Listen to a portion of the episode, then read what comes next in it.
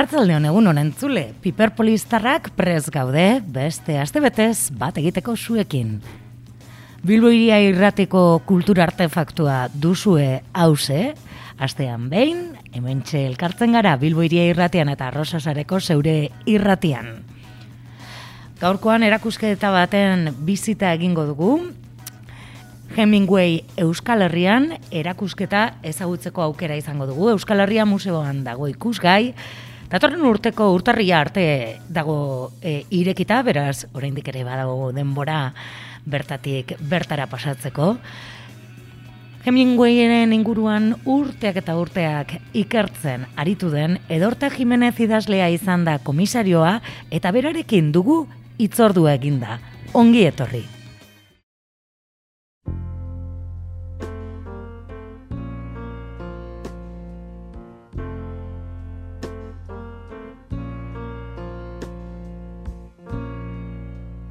Just a perfect day. Drink sangria in the park. And then later, when it gets dark, we go home.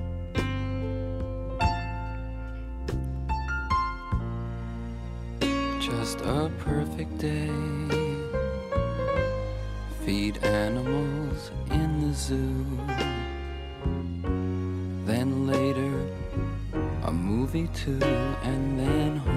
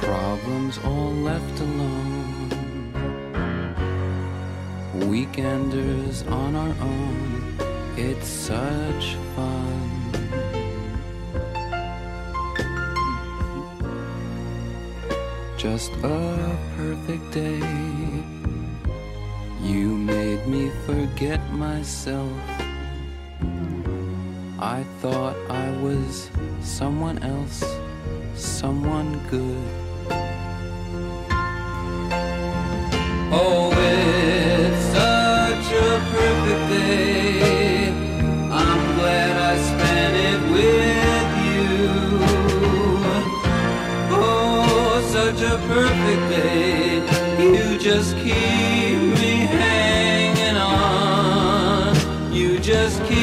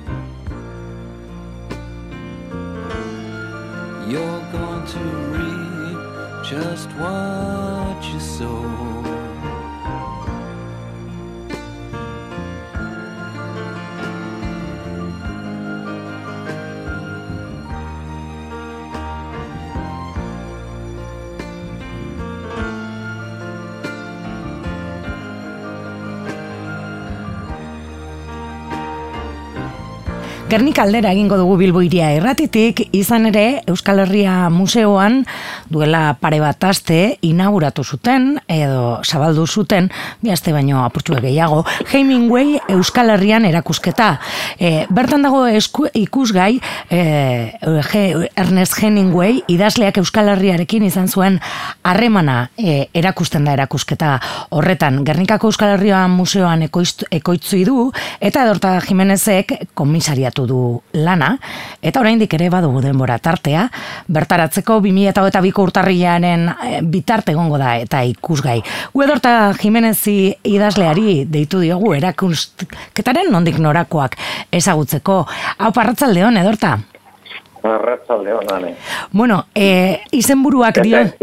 Bai, izenburuak dio moduan edorta, Hemingway Euskal Herrian argi ikusten da, ez, e, zein helburu duen erakusketa honek, ez? Idazleak izan zuen harremana Euskal Herriarekin erakustea, suposatzen dugu, ez? Bai, hori da. Ba, Euskal Herria bere osotasunean, Hemingway askotan, aipatu zuen Basque eta ez dago argi zer zan nahi zuen horrekin, Espainia eta Frantzia da ipatzen zituen, mhm. oso gazterik eh, ezagutu zuen eta ipatu zuen Basque eta handik, handik aurrera, mila beratzen da hogeta irutik, mhm. aurrera beti izan zuen eh, hartu emana, bai, iruñarekin eta Nafarroa garaiarekin ze, e, zanai zabalago batean, zentziren ututzik San Ferminak, mm -hmm. ero Gipuzkoan donostiarekin, ba, oso harreman e, zer estu oso gogoko lekua zuen, donostian gehiagotan egon zan, iruñean baino. Begirata. Bilbo ere mm -hmm. e, izan zuen gogoko eta goraipatu zuen, eta egon zen batetan, Eta gero, ban hemen, beste leku askotan, baionari buruz idatzi zuen, endaia bere obraren barruan oso importantea da. Endaian amaitu zuen, ore, e, zera, agur, agur e, armei edo afare huelt to the arms, eta mo, ez, ez, ez, ez, eta gero ezagunak ez diren kontu batzuk, nik lehenago ere ipatuak, eta gero Ameriketan, Kuban, batez ere, baita, e, aida jo nere, ala ere, e, Euskaldunekin e, mhm.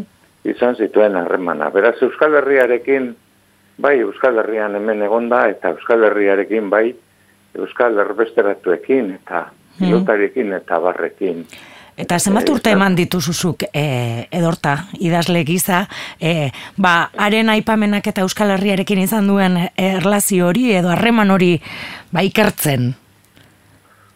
Ba, lehengo hor 2000 eta batean hasi nintzen, bizi gora bera. 2000 eta arte jarraitu nuen, gero utzi egin nuen, da 2000 eta Javier Muñoz, Euskadi saria irabazi zuen bere Hemingwayrekin bazkaltzen jaten liburuarekin arekin harremanetan sartu nintzen artean. Eta bo azkenengo bost urte honetan ba barriro mhm. beraz e, nire bizitzako azkenengo parte honetan hogeita ez dakitzen bat urte Hemingway bai Hemingway hemen, hemen egonda mm bueno, baina bentsate bere obrari buruz ikertzen eta aldi bitan. Mm goiko O da, mende honen hasieran lehen urteetan eta gero azken bosei urteotan. Mm, aipatu duzu ez, e, e, bueno, pizka bat, harreman hori ez, e, idazleak Euskal Herrian izan zuen harreman horretan, aipatu duzu esaterako donostian iruñan baino gehiagotan egon zela, baina ala, ala ere, e, baguri, gure imaginariora edo guri iritzi zaiguna da, beti Hemingway, e, iruñeta, iruñean eta San Ferminetan hori ere aurkezpenean nabarmendu zenun ba, frankismoak bideratu zuen irudi batero izan zela ero, ez? Bai, frankismoaren biktima da Hemingway.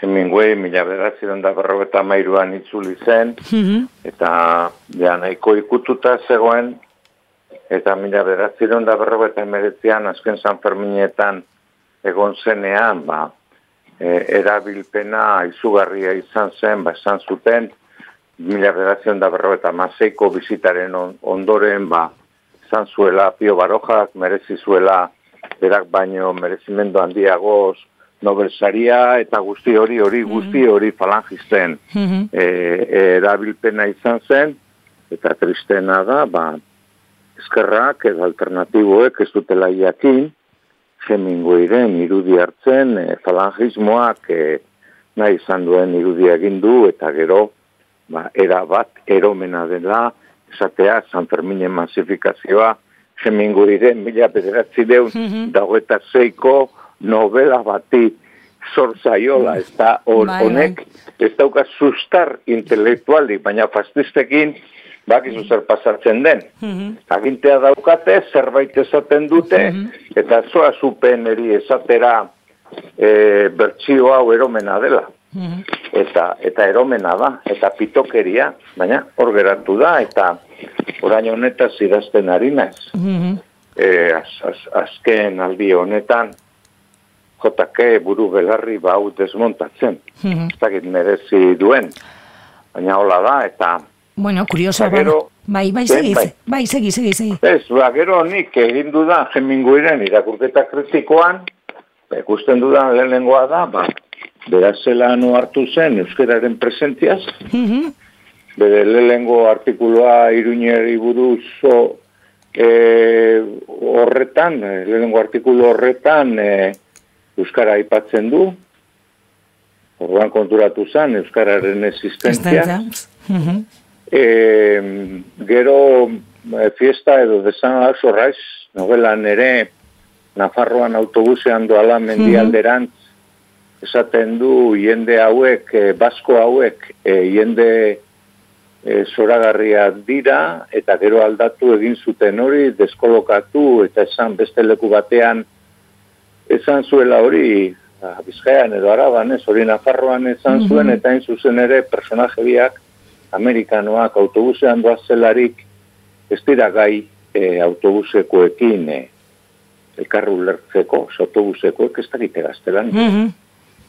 Euskarazari dira, berako horreztu esaten euskarazari direnik, baina Hemingwayk e, nabaritzen zuen, Nafarroan eta fiestan agertzen da. Bai.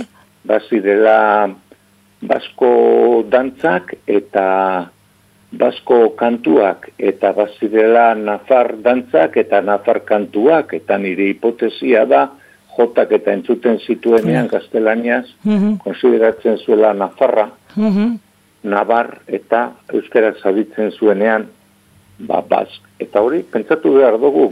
Mm orduan ezen eta irug eta urte zituela hau da.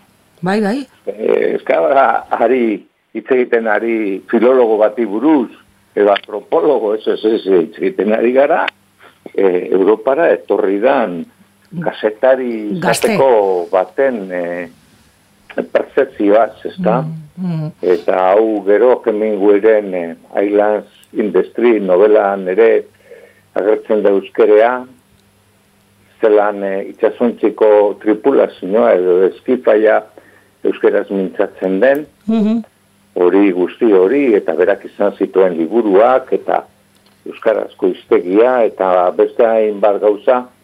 Guzti honetaz paso egin dute. Mhm. Eta geratu dira Hemingway eta zezenak zezenak eta San Ferminak ez e, eta... bai, e, Hemingway zezenekin nazkatu egin zen eta bere suizidioaren motiboetako bat mhm. nire ustez eta nahiko dokumentatuta dago e, zezenekin e, izan zuen e, zapustea edo decepzioa izan zen. Tartean irudi hori, ez, e, fasistek eta e, irudi mm. hori, edo frankismoak irudi hori, e, ba, zabaltzen zuen bitartean, ez, e, haren lanak ez ziren itzultzen eta zentzuratuak ziren, hori beste kontu bada, ere, ez? Hore, hau da, hau, hau, ja, ba, ze barre egitekoa da, nik, benetan eh, Hemingwayrekin zer egiten duten barregarria da. Mm -hmm. du na, zirugarren ez alegintzen ari nahi zurain, mm -hmm. bat zentzuraren gaia ikutu dut eta erakusketan dago, mm -hmm. Hemingwayren lanak oraindik ere gaizki itzulita daude eta zentzuratuta. Mila bederatzi da berro eta iruan Hemingway itzuli zenean ikaratuta zetorren zeberak, mila bederatzi da berro eta marrean, Mm -hmm. eh, Frankori buruz esan, eh, Frankori esan zion eh, asto ipurdi edo asto gizen ipurdi generala Franko. Mm Izen eta guzti edo Franko asto ipurdi gizena. Eta gero deziatu zion Mussoliniren eriotzea alegia gasolindegi batean eskegita, mm anketatik amaitzea, emaztearekin batera Mussolini bezala. Eta hori datzi egin zuen Hemingwayk. Eta oraindik ere, ba, novela honen al otro lado del río, entre los árboles euskaraz ez dago, e, bertsioan Frankoren izena kenduta dago. Hemingwayen ipuñetan zati handiak falta dira. Ah.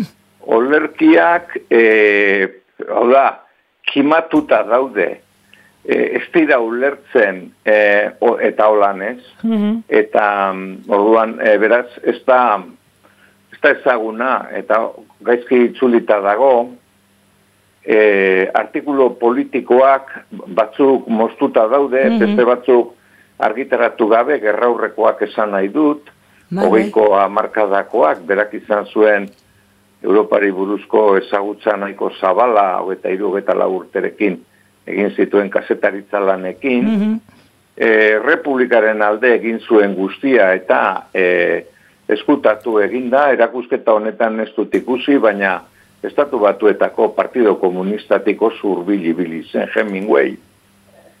E, inteligentzia edo espioitza lanak ere egin zituen, hori nik esan da neukan aspaldi Bai. baina gero beste liburu batzutan ere argitaratu da. Nik argitaratu nuen etikona, Eta alderdi guzti horiek ez ezagunak dira, eta esaten da bandrazalea Hemingway lau aldiz eskondu zen. Zela, bueno, hori ere oso zabaldutako esaldia dela, esango nuke. Eta edan egiten zuela, gogoan izan behar da Hemingway eta John Dos Passos eta Scott Fitzgerald eta James Joyce eta zerrenda oso luzea da Parisera etorri zirenean, ez dugu esango Irlandan, J. Joyceen kasuan, baina estatu batuetan ezin zan edan legez. Mhm, Bai. Eta hau fiestan ere agertzen da. Zesaten dio, zuek on- onelakorik estatu batuetan autobusean euskaldunak. Ez daukazu ez da, euki badaukagu, baina oso garizti. Eta alkola, eta etorri ziren e, estatu batuetatik, eta hau ere ez da inoiz gogoan hartzen, Gainera Hemingway lau aldiz eh, dibortziatu zen eta Europan dibortzioa debekatuta zegoen. Mhm. Orduan Hemingwayren lau emazteak eh, kalitate humano zizugarriak izan ziren laurak. Eta lau aldiz eskondu zen. Eli- Elizabeth Taylor nire idoloa zazpi aldiz uste dut. bai, bai, ez dakit baino askotan. Ba, ba, ba, e, e, eskontza kontratua da, ba, gaizki doanean kontua, edo amaitu denean, beste kontratu bat egin, eta hor konpon, hori ez da andrazalea, edo gonazale izatean, ni uste gonazale edo andrazale, beti ulertu dut, gaur batekin, bestea, bihar beste batekin, eta beti gonen atzetik dabilena. Eta ez da Hemingwayren kasua. Mhm. Eta putero fama ipini diote, eta ez da egia. Mhm. Edan egin zuela, edan zuen, beste batzu gehiago. Eta guzti hori, bueno, ba, ez, ibilbide hori, ez, eta irudiaren, e, eta, e, bueno, idazle e, entutetzuaren, e, ba, pasarte guzti horiek, e, bueno, biltzen saiatu zarete, ez, e, erakusketa honetan. Bai, eta baita kubakoa ere importantea da. Bai, zebertan Euskaldun askorekin izan zuen harremana, ez? Bai, hori da, bere, berak eh, beti gogoko zituen lehenengo eta gerran egondako gizonak, Mhm. Hori berarentzat importantea zan, alde horretatik errepublikanoak eta euskaldunak e, gerrakoak kuban izan zituen, eta pilotariak beste motibo batzuengatik. Mhm. Eta harreman ez du izan zuen, bere etxean hartzen zituen eta asteazkenero biltzen ziren garai batean, eta oso oso lagun min izan zuen hil arte Juan Duña Beitia Bilbotarra. Eta hor badago sakoneko beste kidetasun bat, eta beste identifikazio motibo batzuk, ze Duña Beitia ere marinela izan zen, Duña Beitiak ere edaten hasi eskero edan egiten zuen, eta aztu egin behar dugu orain daukagun aurri iritzi hau edateari buruz edo horretzeari buruz, aztu egin behar dugu, gure aita goizero edaten zuen bere koinak kopatzoa, eta langile gehienek, eta bar, eta inork etzekien erretzeagatik e, minbizia zor zitekenik, eta bar, ezin dugu gaurko begiekin iraganera. Mhm. Behiratu eta kubakoak oso maite izan zituen. Eta honen arira bere hirugarren emazteak Marta, Marta Gerjonek are estimatuago izan zituen. Horregatik, azkenean lortu dugu argitaratzea marzaren ipuña, mm pasko bezperako gaua, marza gerjonda hogei garren mendeko emakume kasetaririk importantena behar bada, mm -hmm. batera edo gainetik, Normandiako lehorreratzean egon zan emakume bakarra, Bira. erizain mozorraturik joan zen, mm Hemingway e, bertan bera utzi zuen, laga egin zuen berak emakumeak, laro gora urtez bizi izan zen, beti euskaldunen lagun, maite mindu egin zen, nik ez dakit e, nondik nora, mm -hmm. mila bederatzi deunda, hogeta mazazpian edo, ez dakit gerra garaian, Madrilen zegoela zonetzen etorri, baskoekin maite mindu egin zen. Ah, begira. Horendik ez dut argitu misterioa. Zergaitik ez, zen.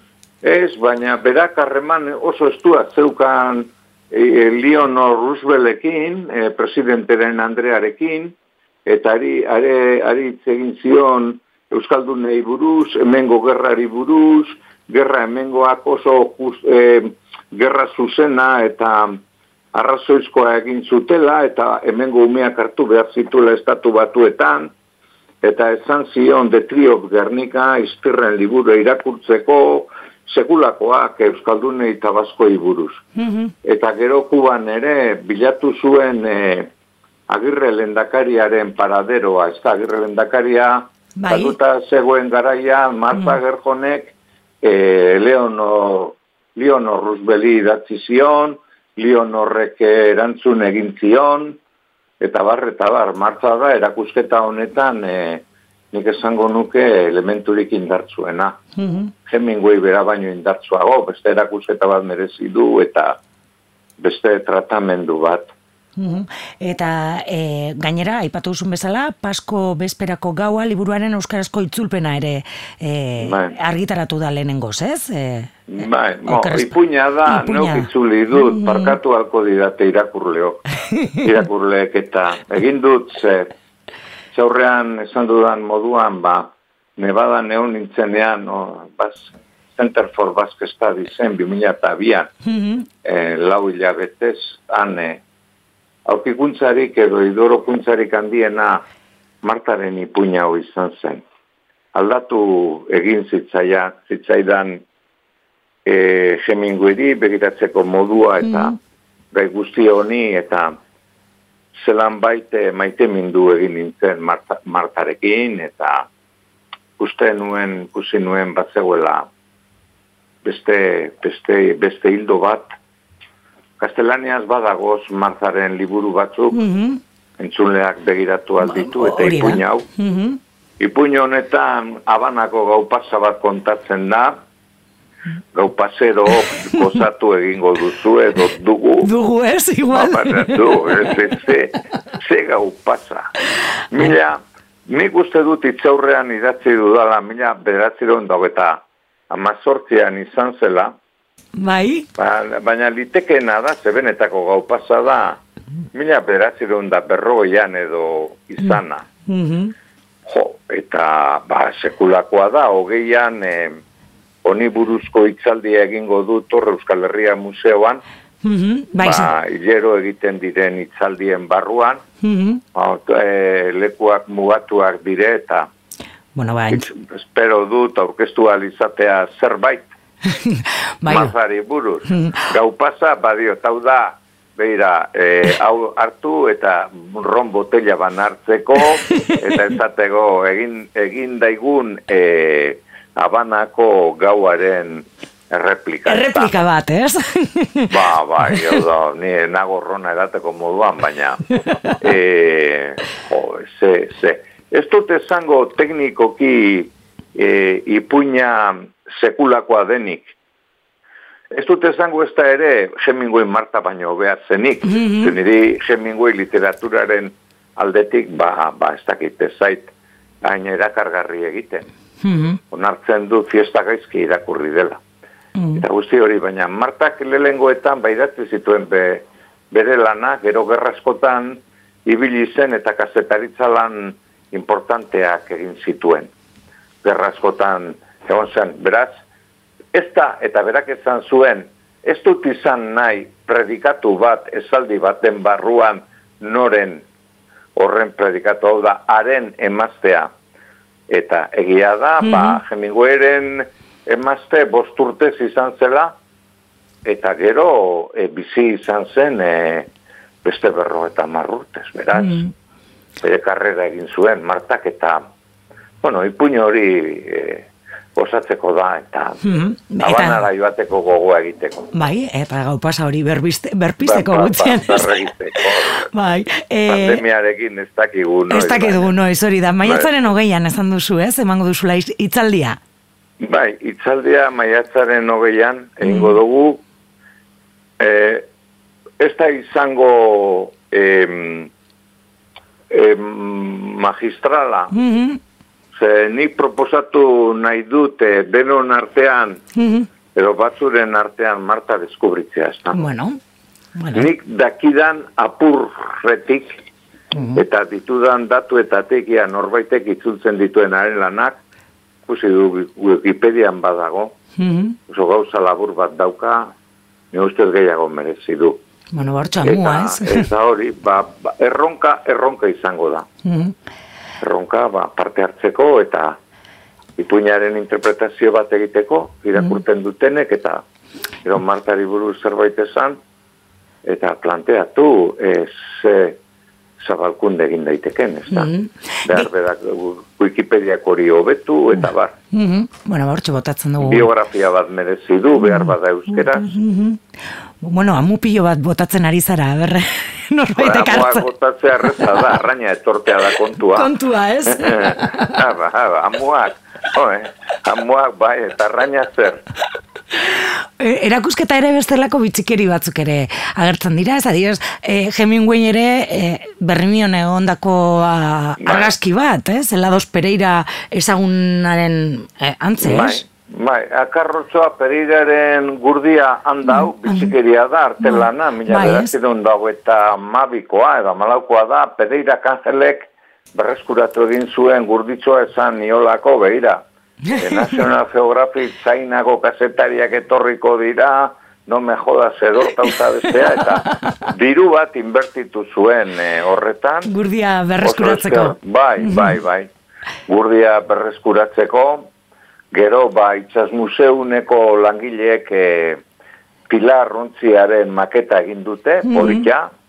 zan behar da, maketa erosia dela, mm baina gero egin zaion guztia da, edo zeinek dauka e, maketa hori erosteko aukera. Mm ba, gero ostera lan eginda maketa horrekin, beste bitxikeria bat, ba, e, Jon Mirandek itzuli egin zuen, e, zera Hemingwayren ipuin bat, The Good Lion, mm -hmm. legoin zintzoa, ba, uste dugu egingo direla emanaldiak ipuin horrekin, eta eskuizkribua han ipini dugu. Mm Gero bestetik ere, bada, aipatu duzu lehen, ez? Juan Duña Beitia e, laguna zuela, eta arekin bai. kuadro bat, ez? E, bai. Urzelairena, bai. ez? Bai, urzelairen e, hau e, Hemingway eta Utuñabitiaren kuadroa ez dut izena esango jazk ez dakiz zertze entzuleok barregingo duzue. Nire inglesagatik bai ekarri dugu. Hori Bilboko Arte Eder Museoan mhm. egon da lehenengo sotoetan gero gorrek gora ekarri zuten. Mhm. postu ginen ze kuadro horren propaganda egin dugu. Eta hor ikusten da iruren arteko adizkedetasuna batetik e, utzelaik eh, seguruenik Pariseko urteetatik edo ezagutuko zuen mm -hmm. eh, Hemingway, duña abeitia dudari gabe bilbotik, ze duña abeitia celebre bat izan zen. Mm -hmm. Duña abeitia bilbon izan, izan gerra hurrean ezaguna, bat zirene eh, erabatekoa, eta berak jakin zuen aldizkirtasun honen berri, eta Ez dakit kuadroa biak e, Madrileko estudioan egonda egin zuen, ala, ala buruz egin zuen. Mm -hmm. Bermeon jaio zen, eta Busturian bizi izan zen. Bai. Eta Madrilen tarteka, eta mm ba, oso maite du nik, batez ere estelako mundakako, hau da, jaizu zan bermeo, eta bizi buzturian perfektua. Zen mundakatik pasatu. aldogo, ez inork ezin digu ez zerrezan. Ez zerrezan, eta denot dakigun moduan erretratista bikaina, bai? e, jaularitzaren, ordukoaren proiektuetan ibilizena, mm -hmm. erbestean eta bar, bai? eta hor dauka mural edo ormako handi hori, ez da? -hmm. Bermeoko portukoa, mila bederatzi da, hogeta bi, hogeta ama bi, hogeta mairu, hogeta malaukoa, mhm. eta gero erretratuak eta bestain bat lan, mm biloko arte museo daudenak, ez da. Bai, bai, bai, eta horre ere badago beste hildo bat, ba, eta kuadroa ederra da, eta ekarri dugu gernikara, ekarri dute, eta mhm. gero beste kuadro bat dago, bai. da, mhm. Indalezio Trebizarrosperen erretratua Juan León Cruzalegi egina. Ah? Juan León Cruzalegi bai mundakarra izan zen, orduan maitatu behar du. Behar duzu bai? Zen bestez, zorioan ez, erbestean egon zen orduan. Danon artean adostasuna bai Cruzalegi benetan dinot, retratista eta paisajista eta izan zen, eta mhm. Argentinan lan handia egin zuen, erbestean, Euskal Etxean, eta Eta kruzalegi zabaldu zuen e, Santiago Agurearen e, Euskal Jatorriaren leyendak. Mm Ze honek idatzi zuen Laura bat albizkarian, ba, e, Andres Untzainek, mundakako apaisak, eta egia da, asteazkenetan, egia da, e, oste, e, finka egiten zuen e, zeretan, bizitetan, egiazko, bizitak dira, Hemingwayrekin hitz egiten zuela, e, ikigia, mhm. eta kontatzen ziola indalezio tribizarrosperen, tribizarrospe arrantzale bakartiaren historia, ez da? Ah. Mm Eta... Eta e, Hemingwayk eh, Andres Untzaini hartu ziola eh, pertsonaia eh, Santiago sortzeko. Ah, beira. Egia esan, eh, tamal, tamalez, eh, arrantzale bakartiaren e, aipamena e, bat zeukan eginda Hemingwayk lehenago. Lehenago ere. Gerra aurretik, mm -hmm. bai. Bere, bere ontziko, pilar ontziko Carlosek e, patroiak e, kontatua. Baina zinon ebero, ebentro, bentro bat, nola zaten dute egiazko espada, bintzat ondo asmatua da. Asmatu zen eta erbestean zabaldu zen, ba, indalezio mundakarra, zela Santiagoren e, jatorria, mm -hmm. edo iturria. Ze indalezio honek e, behin e, galerna izan zela bai. eta e, itxasoan galdu zela eta galdutzat eman zutela eta handik denbora batera berriro agertu zela bizirik beti ibilte zela bakartan edo bakarturik mm eta bar, eta egia da ibilten zan ze orduan arrantzale asko ibilten ziren... Bakarrik ateratzen ziren, ez? Bai, bakarrik e, e, bai itxasoratzen. Mm Normala zen, e, zera, e, txipiroi bila, baina txipiroia karnatatako edo bita legez mm. bai, bai. amuzkina egiteko erabiltzen zen. Mm Eta honek e, kruzalegik pintatu egin zuen indalezio trebizarrospe gura mamaren ezaguna, eta bat. Eta kuadro hori ere erakusketan ikusgai dago. E, kuadro erakusketan mm. dago, ze orduan mundakan mila beratzen dugu eta magostean, mm -hmm. gizon itxo ziren atuan mundekan bostak batera, ah. eta orduan e, ez dute zerrazmatu maratoikoek, e, beti olako ez beharren bat gertatzen zenean, ba, sosketak eta sariketak. Eta egiten ziren familiaren zako laguntzako, ez? Bai, bai. Laguntzeko, bai. eta mundakan alako egin zen, eta e, indalez ez zera kruzalegi kuadroa eman zuen, mm -hmm. kanibel familiak hartu zuen kuadroa, eta niri e, ba, mm, zera Luzila, zan nahi dut berri zen, oso maite izan dudan emakumea, Luzila txirapotu erakutsi zidan, eta nahi zuen, banik idaztea bere familiari buruz, eta pena da, duela urte biltzen, mm -hmm.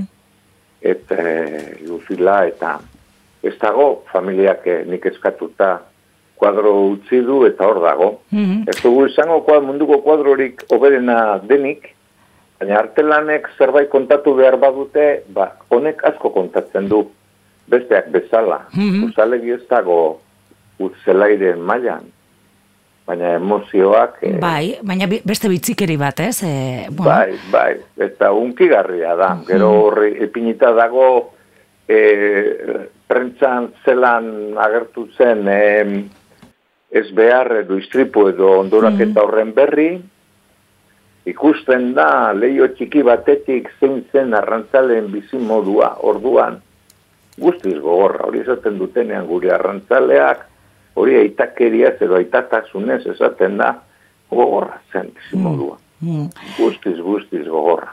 Erakusketa hau egiteko, Hemingway Euskal Herrian, edorta, e, suposatzen dut, zeneukan informazio eta hainbat lan eginek ordenatu egin behar izan dituzula, ez? E, dinot, e, bidai, bueno, ba, hori ez, bidai hori... eta... eta zentzu eman, ez, zer erakutzi nahi den, edo, ez? Bai. Bueno, iru urtez e, e, egon nintzen e, Javier Muñozekin e, mm iruñean Hemingway bidaide rekuperando a Hemingway egiten. Mm Javier ni baino ordenatuagoa da. Berak eginda zeukan eta esan dut lehen, irabazi zuen Euskadi zaria bai. liburu horrekin, komiendo con Hemingway, musea ber Hemingway, itin, odo, it with Hemingway, iru izkuntzatan Euskadi zuen egin. Buru asko ordenatu duagoa dauka eta gero hain suertez, e, Iñaki e, e, zera zagarna, historialari gaztea ezagutu genduen, eta hau historialari profesionala da ikasketak eta bar, eta ordenatua da, hmm. bai, eta alegina egin behar izan dugu, daukagun datu piloa, ordenatzeko, zelkatzeko, claro. Hmm. Narratibotasun bat emateko hori da, ez, bestela kuadro, mm. bai, bederatzi panel dire mm. eta panelen artean ba, nondik ere azten den lehenengotik hasi, zazpigarrenetik hasi ariaka, ariari oratuz e, atzera aurrera mm. narrazioa edo kontakizuna egin alizatea bitrinetan liburuak dagoz eta horre bautatu behar izan genituen liburuak mm ba, zein bai zein ez gai batzuren inguruan, batzate baterako zer dagoen Hemingwayren euskeraz, edo zer zeukan bere biblioteka Euskal Herrik, bibliotekan Euskal Herrikorik Hemingway berak, mm -hmm. zentzuraren eragina eta bar, Eta bai ordenatu egin behar da, ze askoz gehiago dago. Mhm. bai, eta hau egina dago ez, e, ba, zebez edo zerreztakien horrek, e, ba, zerbait ikasteko ere ez, ez? eta e, ba, berrogei urte horietan Hemingwayek Euskal Herriarekin esan zuen, ba, harreman hori ere ulertzeko, ez? Eta, bueno, bai, bai hasieran esan dugun bezala. Bai, e, bai. E, gogoeta eginez eta batzuk esaten diate nondi nora galdudan denbora kabroi putakume putero andrazales da gizer zena gauza e, horrekin begira azkenean e, hemen Hemingwayri proposatzeko beste begirada bat. Hemingwayri begiratzeko beste begirada bat proposatzen da. Baina proposatzen da eta importanteagoa da beste begirada bat guri. Guri. Mm Munduan hain ikonikoa, mm influencer, pertsonaia eta ez dakiz celebrity eta guzti hori den horrek, ze pentsatu behar dugu gaur egun ere Euskal literaturako historian hogei garren mendeko eta orengo mendeko idazlerik importantena medien eta pelikulen eta industriaren aldetik Hemingway dela, berak ze begirada egin zigun guri. Mm -hmm. Aro, eta begiradaren parte bat fiestan dagoena, Nafarroari buruz, mm -hmm. buruz, mm -hmm. e, bas, e, mendizalei buruz, e, jaietan, e, zer gertatzen eta hainbat konturi buruz, buruz ez dute onartu nahi. Mm Edo errepublikanoa izan zela, ez dute onartu nahi ez dute aikatu nahi, aitortu nahi, eh? aintzat, eh, aintzatetzi edo ez dakit. Eta orduan, erakusten da, guri beste begirada bat. Mm Zer den importanteagoa guk ari begiratzeko beste proposamen bat, ala ark guri zelan begiratu zigun edo gintuen, Hoiz da, erakusketa azkenean, ez da? Mm. Bera, baikonoa delako. Bai. Ba, mm. horregatik. Mm. Ze garrantzi dauka honek? Ba, garrantzia dauka alde batetik gezurra kontatu digutelako, mm. eta bestalde batetik, ba, begiratu egin zuelako Euskal Herrira, eta begirada horretan e, beti egon zelako maitasuna, ez da? Mm. Maitasuna, miresmena, eta lako sentimentu e, positiboa, proaktiboa, edo ez dakit. Atal bat dago, aida joa, aida joa, atala. Mm Bai, batzu unkigarria izango da, ni aida jo, ne ondan hau, haren etxean, eta kanposantuan, eta danean, eta guzti aldatuta dago, mm baina esate baterako bitxikeria bat andoni inaki zagarnari buruz jakin izan du dana. Edo zein irakur entzunlekorain begiratzen badu haren hiletako irudia ikusiko du hilkutza, bai. eta aurrean doazen monagilo biak, ez da? Mm Ba, erakusketan agertzen dira monagiloen izenak, Euskaldunen semeak dira biak. Ah, beira. Mm Bai. Mm eta, eta telefono hartzen zuena hilondoren, eta lekua garbitu zuena odola garunak, eta mm guzti hori beste Euskaldun bat izan zen eta eta holan e, ba aidajon ere izan zuen e, harreman hori baskoekin, ez da? Mm Bueno, lango gauzak dira, ez dugu esango bakarrak izan ginen, ginela edo izan zirela Euskaldunakaren munduan, baina parte izan ziren. Mm Eta gutxiagorekin egin zezkio monumentuak eta profesioak eta jemingo iri munduan. Mm Hemen ez zaio egin. Mm Bueno, orain badugu, eh, egia esan, e, suposatzen dugu laster aldatuko dela egoera, eta urbildu izango garela ere gernikara, izan ere, baipatu dugun bezala, 2000 eta hogeta bik urtarrilaren hogeta marra arte izango da ikusgai erakusketa, beraz badago, bai. tartea, Euskal Herria Museora urbiltzeko, eta Hemingway Euskal Herrian erakusketa, e, e, bueno, ba, osteratxo bat egiteko. Edorta, bai. beti bezala, placer bat izan da, asko ikasi dugu beste behin ere, Hemingwayen inguruan, eta hainbat konturen inguruan. Urbilduko bai. gara ere erakusketara. Bai. E, eta gauza bat, e, bai. langilekin e, oso posik nago, langileek egite dituzte bizita gidatuak ere ez, bai, museoan. Eta hor gabiltza, ba, beti nik zerbait berria e, ikusten dudanean, ba, ba egiten diet, esaten diet, mm eta oso orduan bizitak idatuak egiten dira igandetan, mm baina deituta nik uste du prestatu litezkela beste... Taldetxoentzako, ez? Bai. Bai, bai, mm bai. Bueno, ba, informazio guztia ere zabalduko dugu Euskal Herria Museoara deitu, eta ziurrasko bai. bertan e, emango digutela taldeen e, kontu horiek guztiak. Ba, edorta, eskerrik asko? Zeuei. Bai, urrengo, urrengo bater arte. Bai. Aur. Eskerrik asko. Aur.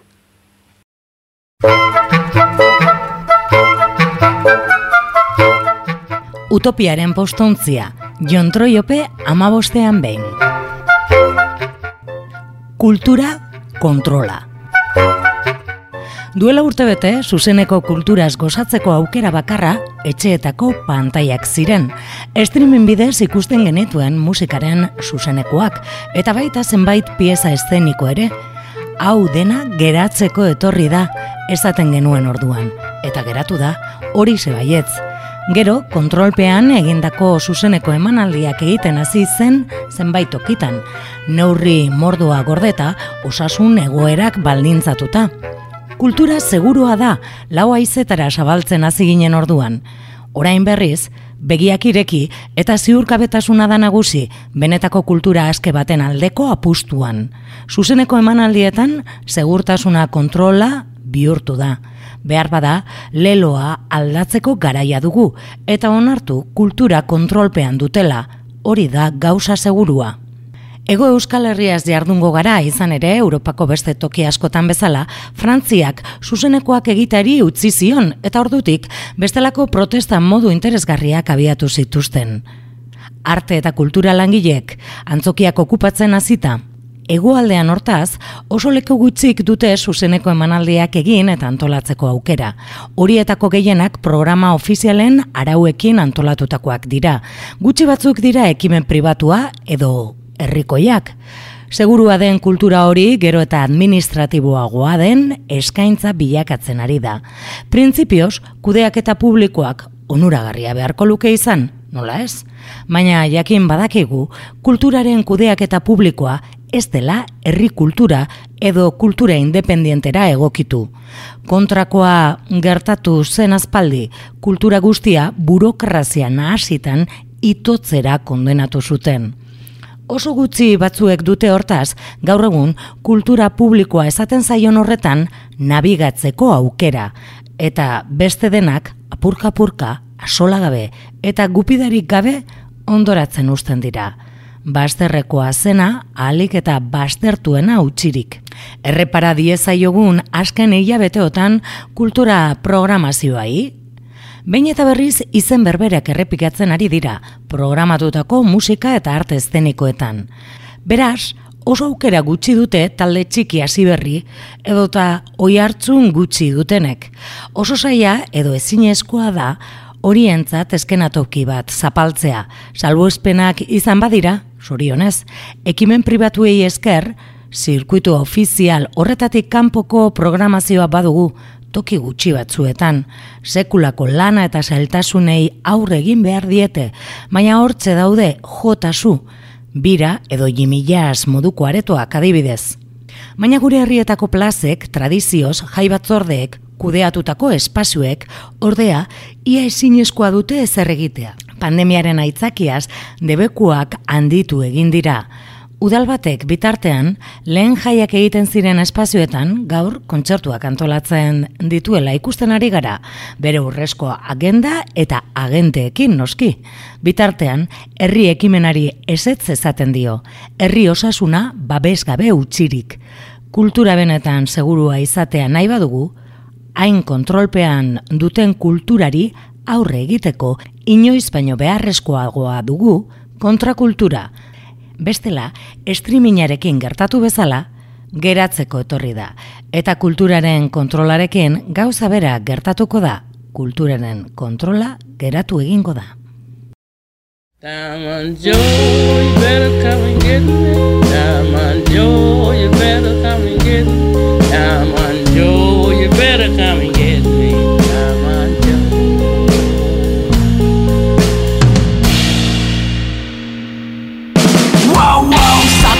zauka, egun eta gau laukatu dardarka. Zein hau sarta, mozala jartzeko, ni ez barka mena eskatu beharko. Tratamendu ludobiko errebeldentzat Instagram.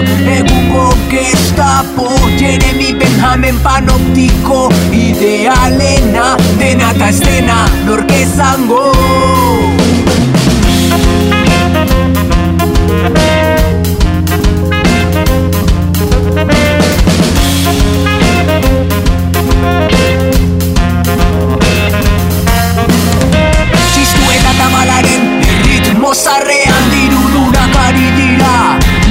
Dantzatan uniforme eta borrak hitzu eta gor. Bakoitzak bere rola Ikesi gala moda de magarra polizia Lotzo bat besterik ez. Itzen gitzarra bogor putza zarro.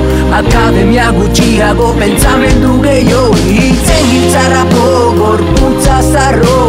Akademia gutxiago pentsamendu gehiago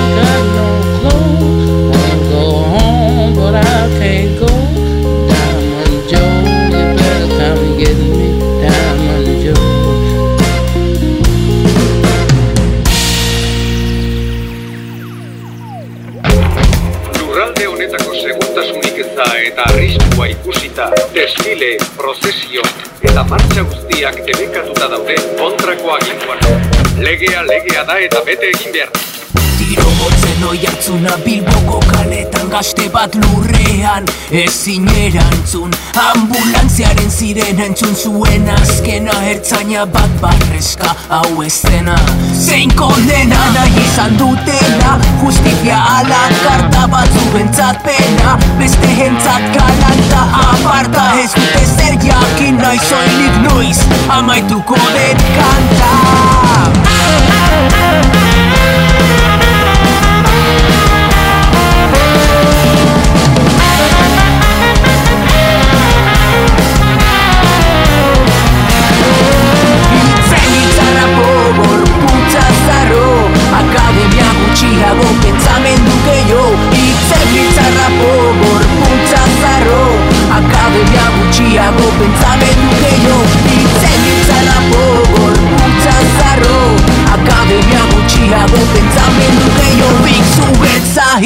Egiteko susmagarre kontrol maniasko Maldonado non dago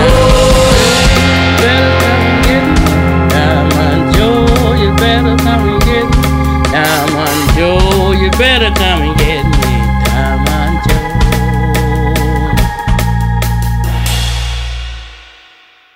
Aukerak. Beti daukagu itzultzeko aukera. Aukera. Joateko aukera. Aukera. Ez, ez, ez, ez, ez, ez daukagun bezala. Zuri zer iruditzen zaizu? Aukerak. Xavier Galarreta.